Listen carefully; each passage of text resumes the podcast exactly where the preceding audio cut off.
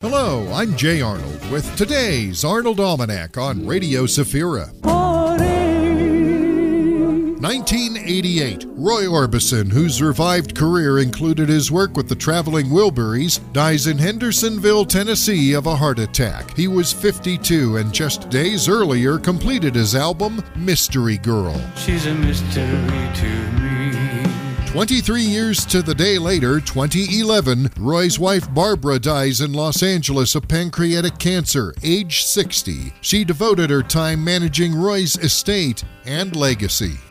2006, Dick Clark, 77 and ailing from his 2004 stroke, holds a two day benefit sale of music memorabilia through Guernsey's Auction House in New York City, raising money for cancer and AIDS research. Among the notable items, the microphone Dick Clark used on American Bandstand in 1956 fetched $33,000. And an $11,400 bid got the winner Madonna's Bustier from her Open Your Heart video. DJ. 1969.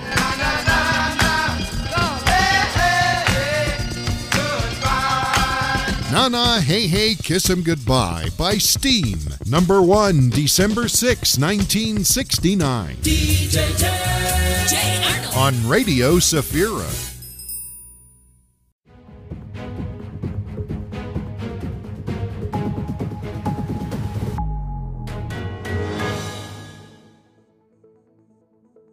Is attracting 5 million viewers in a single day a good result for an influencer? A priest from Portugal has achieved just that. Meanwhile, Adventists travelled to Nepal, where they cut hair, shaved faces, and preached the gospel. In France, people protested in dozens of cities opposing a bill on euthanasia. In Lublin, Jews and Catholics are celebrating together, while the World Council of Churches is educating about modern slavery. Szczecin boasts its own world boxing champion. And that's not all in the news from Radio Safira for Wednesday. Stay tuned. Bishops from Africa and Madagascar, during a meeting in Nigeria, condemned military coups and the use of force in politics. Gathering in Lagos to mark the 50th anniversary of the Pan African Episcopal Committee for Social Communications. They discussed the differences between current and historical coups. They noted that the recent coups in the Sahel region, which enjoy public support, seem to be a response to prolonged injustice and the concentration of wealth in the hands of political elites.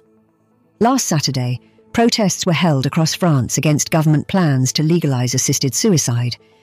The initiative, promoted by pro life associations, attracted tens of thousands of people in Paris and spread to 50 other cities.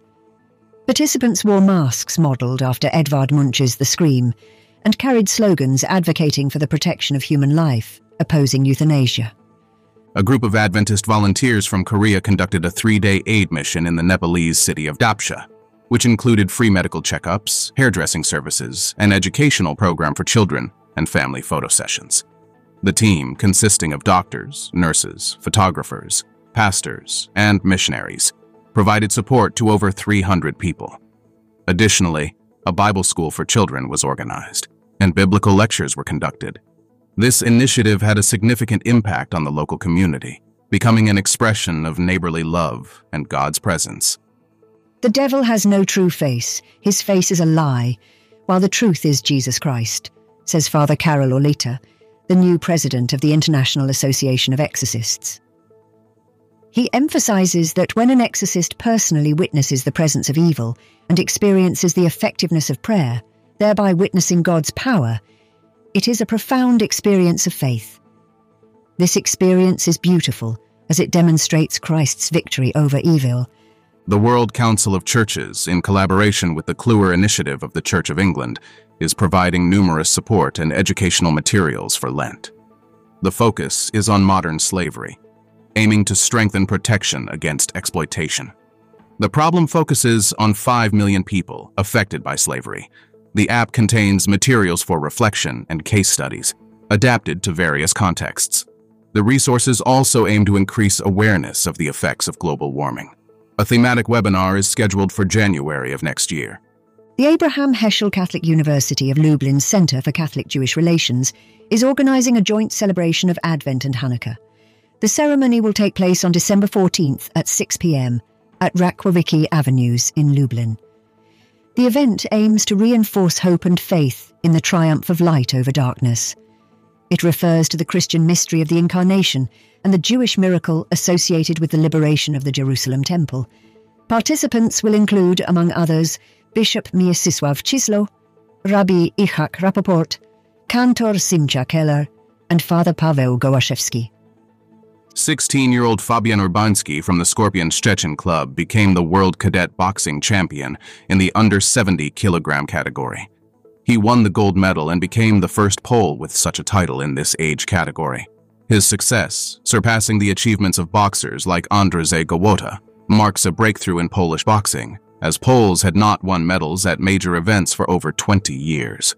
Additionally, another Scorpion Szczecin fighter, Igor Sochowka, won a bronze medal at the same championships. Are prosperous times ahead for Polish boxing? Clergy, in search of ways to attract young people's attention, are increasingly appearing on TikTok. Among them is Guilherme Peixoto from Portugal, a parish priest and DJ who gained popularity at the start of the pandemic. Previously, for over 10 years, he performed as a DJ in clubs, and his engagement with music was even appreciated by the Pope, who blessed his headphones. A TikTok recording of the priest dancing in liturgical attire went viral, reaching nearly 5 million viewers in one day. This was the news service of Radio Safira. May God bless us all.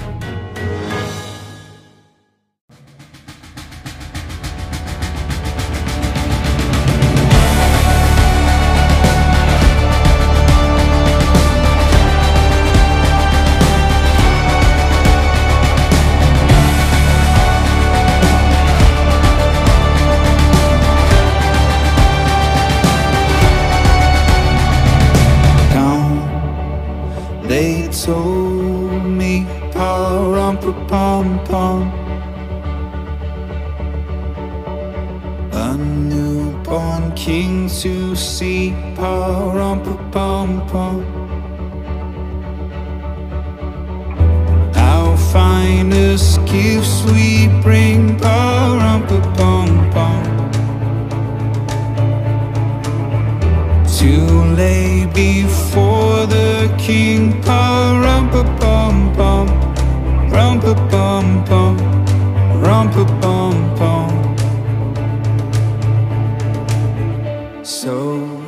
to honor him, rum pa bum bum.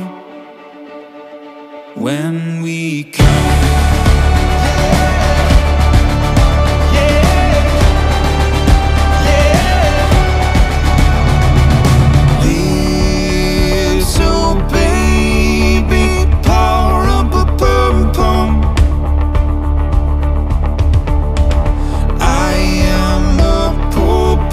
Too,